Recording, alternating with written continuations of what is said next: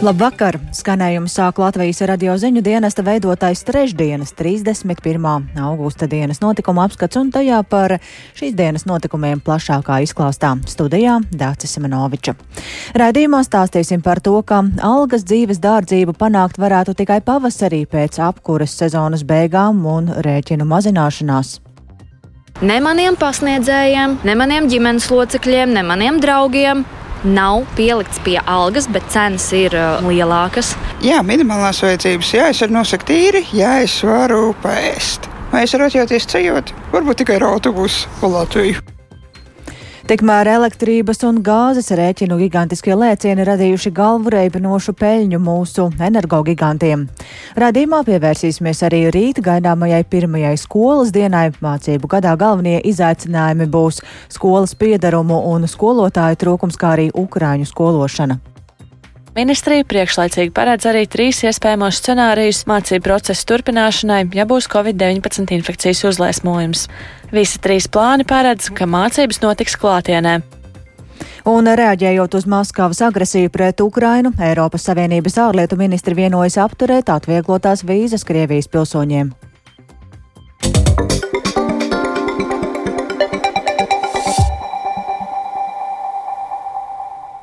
Latvijas iekšzemes koprodukts pirmajā pusgadā pieaudzis par 4,7%, taču ekonomika bremzējas. Tostarp otrajā ceturksnī, salīdzinot iepriekšējo, iekšzemes koprodukts samazinājās par 1%, bet salīdzinājumā ar attiecīgo ceturksni pērn pieauga par 3%. Tādi ir centrālās statistikas pārvaldes dati. Otrajā ceturksnī, salīdzinājumā ar iepriekšējā gada attiecīgo periodu mājsaimniecību gala patēriņa kopējie izdevumi ir palielinājušies par 8%.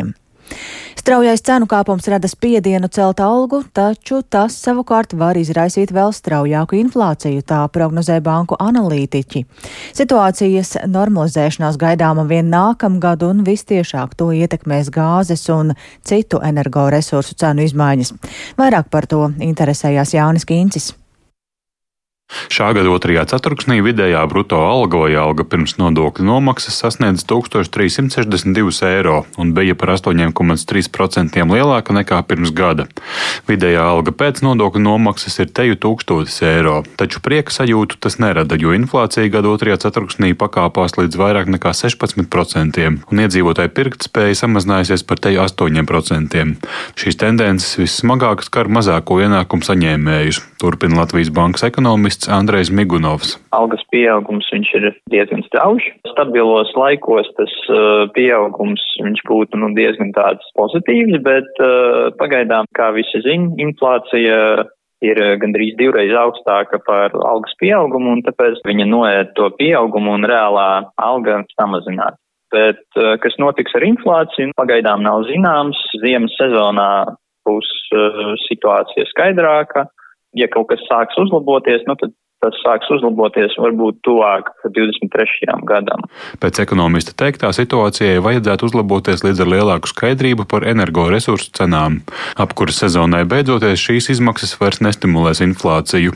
Energoresursu cenu kāpuma dēļ aug arī ražošanas izmaksas, kas savukārt varētu likt taupīt arī uz algu palielinājumu rēķina. Šajā jautājumā gan ekonomista domas atšķiras.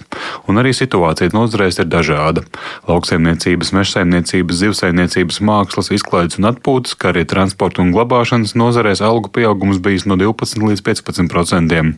Savukārt pat divkārt vai trīskārt mazāk algas augušas finanšu, apdrošināšanas un veselības aprūpas nozarēs. Savukārt stimulējošs faktors algu pieaugumam ir mazais bezdarba līmenis, kas otrajā ceturksnī ir turpinājis samazināties. Atalgojuma pieaugumu savā ikdienā visdrīzāk varēs sajust pēc apmēram nepilna gada, vērtē Luminor bankas galvenais ekonomists Pēteris Strautiņš. Domāju, ka jau nākamā gada otrajā pusē jau absolūti lielākā daļa Latvijas strādājušo jau baudīs reālo algu kāpumu, jo tajā brīdī cenas, nu, vai nu stabilizēsies, vai ļoti iespējams kritīsies. Kristies cenas, cenu līmenis var, var daudz un dažādi iemesli dēļ. Galvenokārt cenu izmaiņas ietekmēs notikumu gāzes tirgu, vērtēja arī Pēters Strautiņš. Naudas izteiksmē šobrīd ekonomika un uzņēmuma apgrozījums auga, tāpēc arī algu kāpums notiks. Turklāt to spiež darīt konkurence par darbiniekiem. Izaugsme gan ir nevienmērīga, jo, piemēram, kokapstrādes un metāla apstrādes jomā produkcijas cenas samazinās, bet enerģijas izmaksas pieaug. Tas varētu atstāt vistiešāko iespaidu uz nodarbinātību reģionos. Šajā kontekstā būtiska ir valdības pārstāvju apņemšanās vajadzības gadījumā pārskatīt un paplašināt valsts atbalsta pasākumus energoresursu izmaksu pieauguma kompensēšanai, norāda ekonomists. Ja mēs vaicājam, vai valsts to var atļauties, nu, principā var. 2020. gadā, kad sākās pandēmija, Latvijā IKP bija mazāks par 30 miljardiem eiro. Pagājušo gadu drusku virs 30 miljardiem.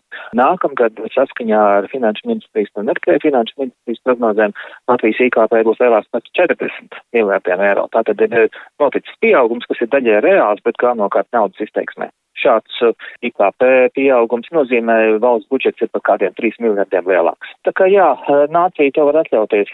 Šobrīd reģistrētais bezdarbs ir noslīdējis līdz 6%, un ja vien ekonomika ziemā nenonāks recesijā, straujais cenu kāpums radīs spiedienu celt algas.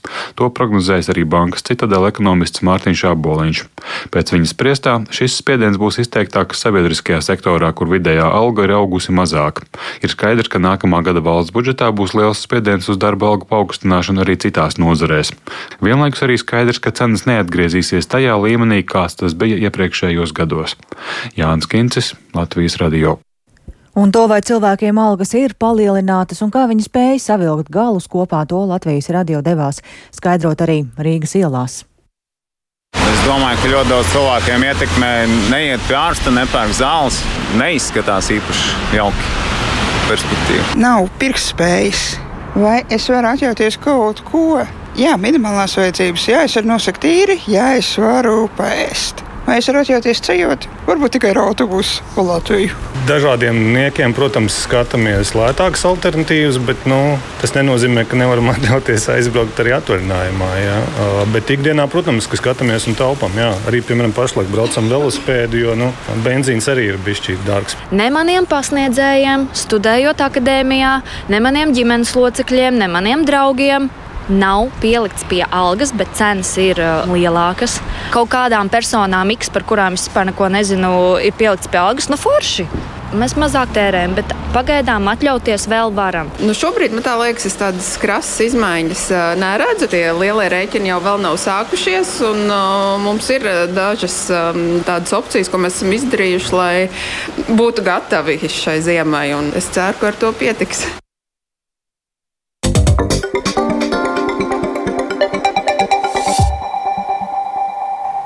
Un augstās elektroenerģijas un dabasgāzes cenas atspoguļojas arī koncernu Latvijas gāze un Latvijas energo pirmā pusgada darbības rādītājos. Latvijas gāze strādāja ar 433 miljonu eiro apgrozījumu, kas ir gandrīz trīs reizes lielāks nekā pērn. Pirmajā pusgadā savukārt neto peļņa koncernam palielinājās 15,5 reižu un bija vairāk nekā 84,5 miljonu eiro, sasniedzot vēsturiski labākos finanšu rezultātus. Tāda ir informācija biežā Nasdaq Rīga. Latvijas energo strādā strādāja ar 744 miljonu eiro apgrozījumu, bet peļņa augusi divi ar pus reizes līdz 142 miljoniem eiro. Un turpinām ar to, ka jau rīt sākas jaunais mācību gads, un kā jau katru gadu pedagogiem, skolēniem un, protams, arī viņu vecākiem izaicinājumu netrūkst. Joprojām galvenās problēmas saistītas ar mācību līdzekļu nepietiekamību un pedagoģu trūkumu, un tam klāt nāk arī ukraiņu skološana un gatavošanās scenārijiem, ja Covid situācija pasliktinās. Plašāk par visu Lindas Spundiņas ierakstā. Skolotājiem galvas sāpes jau pēdējos trīs gadus sagādā gatavošanās mācību stundām pēc jaunā satura, jo līdz šim bijušas problēmas ar pieejamo mācību līdzekļu nodrošināšanu.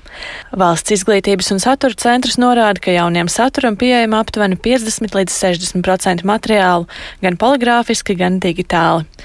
Pirmā devīto klašu grupā atbilstoši materiāli vismazāk ir eksaktiem mācību priekšmetiem - fizikai, ķīmijai, inženierzinātnēm. Tas nozīmē, ka pedagogiem būs pašiem jāmeklē un jākombinē nepieciešamā literatūra. Turpina valsts izglītības un satura centra vadītāja Liena Voruņēnko. Pamatskolas izglītības posmā ir salīdzinoši daudz materiālu. Laiku aizņem viņu kombinēšana, bet uh, kombinēšanas jautājums nekad arī netiks atcelts. Kā pedagogs īsteno mācību procesu, tas vienalga paliks uz pedagoģa pleciem. Tas, ko mēs patiešām cenšamies maksimāli attaisnot, lai katrā mācību priekšmetā būtu kaut kāds materiāls. Bet es pieļauju, ka tas prasīs mums divus, trīs gadus dažādos vecuma posmos, īpaši uz pamatu priekšmetiem. Vēl viens no gaidāmajiem izaicinājumiem jaunajā mācību gadā ir pedagoģa trūkums. Atbildīgā ministrija paredz, ka šogad skolotāju nepietiekamība būs izteiktāka, jo ir pedagoģi, kuri nav atgriezušies darbā Covid-19 dēļ. Prognozējams, ka skolotāju iztrūkums būs aptuveni 3%. Problēma īpaši aktuāla ir galvaspilsētā.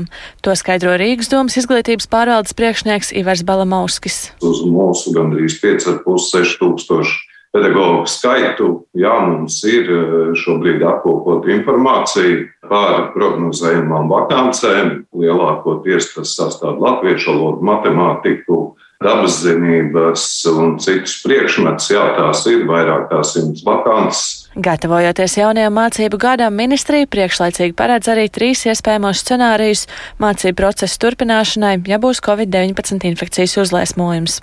Visi trīs plāni paredz, ka mācības notiks klātienē, taču pie augstas saslimstības mācību iestāde var ieviest īslaicīgas izmaiņas mācību procesā.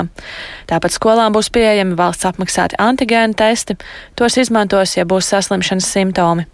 Netiks noteiktas īpašas vakcinācijas prasības. Savukārt, ja valstī atgriezīsies prasība lietot sejas maskas, tad bērni līdz 12 gadu vecumam varēs likt auduma maskas, bet pārējie medicīniskās. Ar to izaicinājumi vien nebeidzas. Šogad mācības Latvijā uzsāks vai turpinās vairāk nekā 3000 Ukrainas bērnu, teica Jānis Ozols no Izglītības un zinātnes ministrijas. Mums ir paredzēts, ka 1. septembrī šie bērni iekļaujās latviešu valodas plūsmā, lai tas varētu tikt nodrošināts un šiem bērniem būtu iespējas saprast, kas tiek mācīts. Kopš māja beigām ir bijušas divas nometņu sērijas valodu apgūšanai. No apmēram pusi 50% no bērniem, kas ir plānojami ir ienākusi informācija, ka šādas eh, nometnes ir apmeklējušas. Nav iztērēti visi paredzētie finanšu resursi, tādēļ mēs esam paredzējuši, ka arī rudenī varētu būt atkārtotas nometnes valodas apgūšanai. Kaut arī valodas barjera ir galvenā problēma, kas satrauc visus. Speciālisti atzīst, ka kopumā tas netraucēs veiksmīgi uzsākt mācību procesu. Līnda Spundiņa, Latvijas radio.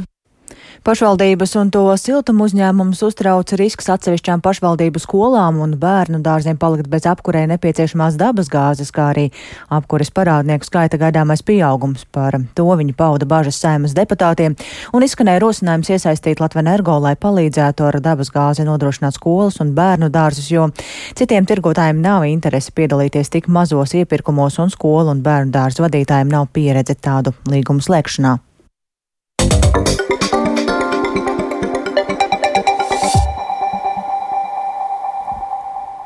Eiropas Savienība pilnībā apturēja Eiropas Savienības un Krievijas vīzu līgumu, ievērojami sašaurinot Eiropas Savienības vīzu izsniegšanu Krievijas pilsoņiem, un Latvija un citas kaim, Krievijas kaimiņu valstis ir tiesīgas ieviest papildu pasākumus savas drošības garantēšanai, ierobežojot robežu šķērsošanu. Tā uzsver ārlietu ministrs Edgars Rinkēvičs no jaunās vienotības.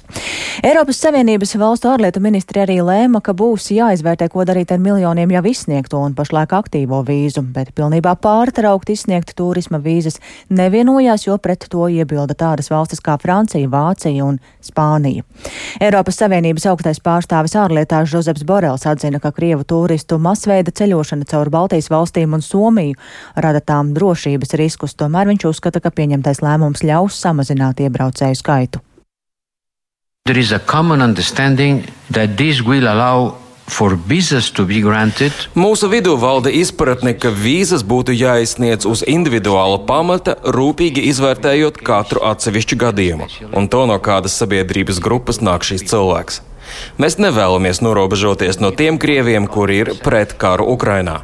Mēs nevēlamies norobežoties arī no Krievijas pilsoniskās sabiedrības. Startautiskās atomenerģijas aģentūras misija ieradusies Ukrainas pilsētā Zaporižjā, kur tai turpmākajās dienās paredzēts apmeklēt Zaporižas atomelektrostaciju. Kā norāda komentētāji, galvenais mērķis ir panākt atomelektrostacijas atbruņošanu, taču staciju kontrolējošā Krievijas puse gan paziņojusi, ka īpašas caurlaides ārvalstu ekspertiem nepiešķirs. Vairāk stāsta Uģis Lībietis. 14 cilvēku lielā starptautiskās atomenerģijas aģentūras komanda vēlas pārbaudīt Eiropā lielākās atomelektrostacijas drošību, jo stacija jau kopš marta atrodas Krievijas spēku kontrolē. Ukrainas puse uzsver, ka atomelektrostacijā ir izvietots Krievijas smagais bruņojums un Krievu militāristu darbību dēļ jau vairāk kārt nav bijis tālu no kodola katastrofas. Taču Krievijas iebrucēji turpina apgalvot, ka stacija apšauda tieši Ukraiņu. Arī pirms ārvalstu ekspertu ierašanās Krievija izplatījusi paziņojumu par it kā netālu aizturētiem Ukraiņu teroristiem un blakus esošās Enerhodaras pilsētas apšaudīšanu. Savukārt, runājot par starptautiskās atomenerģijas aģentūras misiju, Krievijas pusi paziņojas, ka ekspertiem nāksies gaidīt rindā, jo speciālās caurlaides viņiem izsniegtas netiks. Starptautiskā misija atomelektrostaciju ir paredzējusi pārbaudīt vairākas dienas. Spānija ir pārkāpusi vairāku bijušo Katalonijas valdības ministru un parlamentāriešu tiesības. Ar šādu secinājumu klajā nākusi ANO cilvēktiesību komiteja. Sūdzību bija iesnieguši četri politiķi, kurus notiesāja par dumpju rīkošanu, organizējot 2017. gada Katalonijas neatkarības referendumu. Turpina Uģis Lībietis. ANO cilvēktiesību komiteja, kas izskata to, vai valsts īsteno savas civilās un politiskās tiesības atbilstoši starptautiskiem noteikumiem, izskatīja bijušā Katalonijas valdības vadītāja vietnieka Oriola Junkerasa, kā arī triju bijušo ministru - Žuzepa Rola, Raula Romēvas un Jordi Turola sūdzības. Visi tika notiesāti par aicināšanu uz sacelšanos pret pastāvošo Spānijas varu, un visi tika atstādināti no pienākumu pildīšanas parlamentā. ANO komiteja konstatējas, ka Spānija ir pārkāpusi politiķu tiesības, atstādinot viņus no amata bez objektīva pamatojuma. Bijušais Katalonijas valdības vadītājs Karlis Puigdemons šo atzinumu ir nosaucis par ANO pliķi Spānijas sejā, piebilstot, ka Spānija turpina pārkāpt politiskās tiesības, tādējādi apdraudot visas Eiropas demokrātiju kopumā. Afganistānas valdošais grupējums Taliban šodien atzīmēja pirmo gada dienu kopš ārvalstu bruņoto spēku aiziešanas no valsts. Oficiālās svinības un militārā parāda tika sarīkota Bagramas gaisa spēku bāzē, kas vēl pirms gada bija starptautisko spēku operācija pašā centrā. Lai arī Rietumvalstis uzskata, ka situācija Afganistānā ir strauji pasliktinājusies, paši grupējuma Taliban pārstāvji ir citās domās. Stāsta Uģis Lībietis.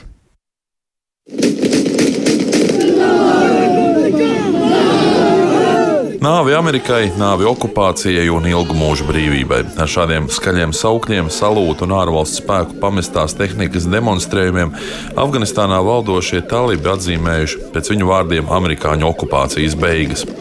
Kabulas ielās redzamie plakāti patiesībā izceļ uzvarus pat pār trijām impērijām, arī pār Padomju Savienību un Lielbritāniju. Lai arī Kabulas ielās galvenokārt bijuši redzami Taliban atbalstītāji, vienkārši iedzīvotāji izvēlējušies šādās svinībās nepiedalīties. Kā norāda komentētāji, līdz ar Talibu atgriešanos pie varas dzīves līmenis lielākajai daļai no 38 miljoniem Afganistānas iedzīvotāju ir ievērojami pasliktinājies. Īpaši tas ir pasliktinājies sievietēm un meitenēm. Afganistānas valdības pārstāvi gan uzsver, ka pēdējā gada laikā ir sasniegts ļoti daudz, un pats galvenais ir tas, ka cilvēki vairs netiek nogalināti nogalināti karā, bet kopējā drošība valstī ir uzlabojusies. Pēc ziņām par bijušā padomju Savienības prezidenta Mihaila Gorbačova nāvi vairāku pasaules valstu līderi pauduši līdzjūtību un veltījuši piemiņas vārdus. Viņu vidū arī Latvijas valsts prezidents Egils Levits, kurš norādījis, ka Gorbačova mēģinājumi reformēt sastingušo sistēmu noveda pie PSRS sabrukuma un liela loma pie tā bija baltiešiem. Viņš vērs uzmanību, ka apspiestajām tautām tas nesa brīvību un rezultātā pret Gorbačova gribu arī Latvija atguva savu neatkarību. Gorbačovs kā padomju savienības līderis lielā mērā bija nepieciešamība. Tā vērtē Latvijas radio žurnālists vēsturnieks Eduards Liniņš. Ir skaidrs, ka padomju savienība pagājušā gadsimta 80. gadu sākumā bija nonākusi situācijā, kas tā vairs turpināties nevarēja valsts bija iztērējusi faktiski jebkādu izaugsmes potenciālu. Galvenais, ka idejiski šī valsts bija faktiski bankrotējusi. Protams, Mihails Gorbačovs nākot pie varas vēlējās padomju savienību glābt. Viņš ticēja sociālisma sistēmai un droši vien vismaz teorētiski ticēja komunisma uzcelšanas idejai, Un, eh, protams, ja viņam, tad, kad viņš stājās Padomju Savienības priekšgalā, kāds būtu teicis, ka viņa darbības rezultātā šī valsts sabruks, visdrīzāk viņš būtu kategoriski noliedzis šādu iespējamību un iespējams pat pārdomājis, vai viņš vēlas darīt to, ko viņš darīja. Bet liktenis bija lēmis viņam kļūt par šīs valsts faktisko likvidētāju, šīs valsts sabrukuma iniciētāju, un tā rezultātā arī Latvija un uh, pārējās divas Baltijas valstis varēja atjaunot savu faktisko neatkarību.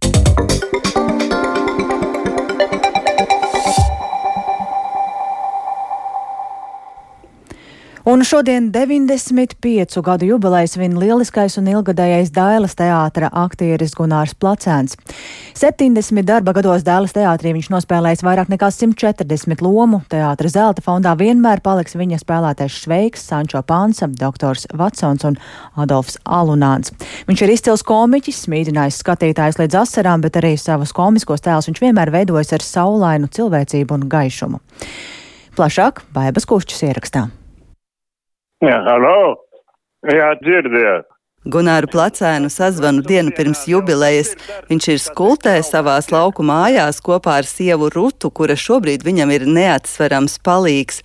Aktieris ir priecīgs, ka jubilejas dienā atkal varēs būt teātrī kopā ar saviem mīļajiem kolēģiem. Mazliet skumju viņu savukārt dara tas, ka tieši šajās dienās dabā sāk ienākt rudenīgas noskaņas, jo viņš ir neglābjams vasaras, saules un karstuma mīlis. Nu, man jau patiks, ka tev vasara turpinātos vēl ar vieniem. Man patīk saules dienas un tā tālāk, jā kad lietas nelīst. 70 gadus esot uz Dēlas teātras skatuves, Gunārs Placēns nospēlējis vairāk nekā 140 lomu, un kā viņš pats saka, tas ir viņa vienīgais un mīļākais teātris. Paldies, Edvards, viņi, kas man pieņem darbā, un līdz šim brīdim, kad cik vispār to ir bijis, man to nevar saskaitīt nemaz teātrī. Visi nākuši un gājuši un atkal nāk jauni vietā. Paldies visiem, paldies kolēģiem, paldies partneriem, kas ir šos daudzos gadus kopā ar mani. Arī paldies ķerbējiem, frizieriem, grimētājiem.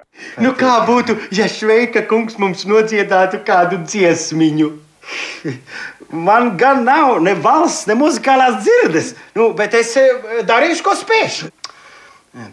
Cik diezgan jau ilgi ir dzīvots, cik diezgan jau ilgi ir ciests, daudz cerēts, daudz mīlēts, daudz zaudēts, daudz sāpju un asaru lietas. Šveika loma neapšaubāmi vispirmām kārtām saistās ar Gunāru Placēnu. Viņš tajā bija neatkārtojams, lielisks un dedzīgi aizrautīgs un skatītāji to novērtēja ar pilnām zālēm un milzu mīlestību. Īpaši viņš izceļams arī kā doktors Watsons izrādē Šerloks Holmes, Sančo Pansa Donā Kihotā un Adolfs Alunāns iestudējumā Lai top. Ilgus gadus dzīvojot kopā un pazīstot savu otro pusīti ļoti dziļi, viņa dzīves biedre Ruta atzīst, ka Gunārs Placēns ar teātri saudzis tik cieši, ka ir gandrīz neatdalāmas vienības. Tāpēc tagad aktierim nav viegli pieņemt, kā cienījamo gadu dēļ viņš uz teātri tiek vien pavisam retās reizēs. Nu, es saprotu to, ka jāliek vienlīdzības zīmes, tad Gunārs un teātri. Viens bez otra ir grūti izdzīvot, un to es redzu tieši šajā brīdī, kad mēs vairs neaizējam uz izrādēm, mēs neredzam pirmizrādes, un tas ir ļoti, ļoti liels tāds trūkums šajā dzīvē. Bet kā jau es arī esmu visu laiku teikusi, ka es Gunāru ļoti apbrīnoju. Es apbrīnoju viņa to vitalitāti, tādu attieksmi pret dzīvi, jo viņš visu tver samērā mierīgi. Tas ir varbūt arī tas galvenais pamats, kādēļ ir sasniegts tāds vecums. Viņš ir ļoti mierīgs. Tā Gunāras teiciens arī tāds ir, lai vienmēr ir vērts galva un siltas kājas. Sveicot Dailas teātra aktieri Gunāru Placēnu 95. jubilejā, valsts prezidents viņam šodien pasniedz cildinājuma rakstu, bet Dailas teātrī viņu īpaši sumina viņa mīļie kolēģi Baiba Kušķa, Latvijas radio. Un ar to izskan dienas notikumu apskats. Producents Edgars Kupčs ierakstus montēja Renāša Steimanis par labskaņu rūpējās Katarīna Bramberga studijā Dācis Semenoviča. Vēl īsi par svarīgāko algas dzīves dārdzību panākt varētu tikai pavasarī pēc apkuras sezonas beigām un rēķinu mazināšanās. Elektrības un gāzes rēķinu gigantiskie lēcieni radījuši galvu reibinošu peļņu mūsu energogigantiem un reaģējot uz Maskavas agresiju pret Ukrainu, Eiropas Savienības ārlietu ministri vienojas apturēt atvērtību atvieglotās vīzas Krievijas pilsoņiem. Sekojiet mums arī LSM LV. Yeah.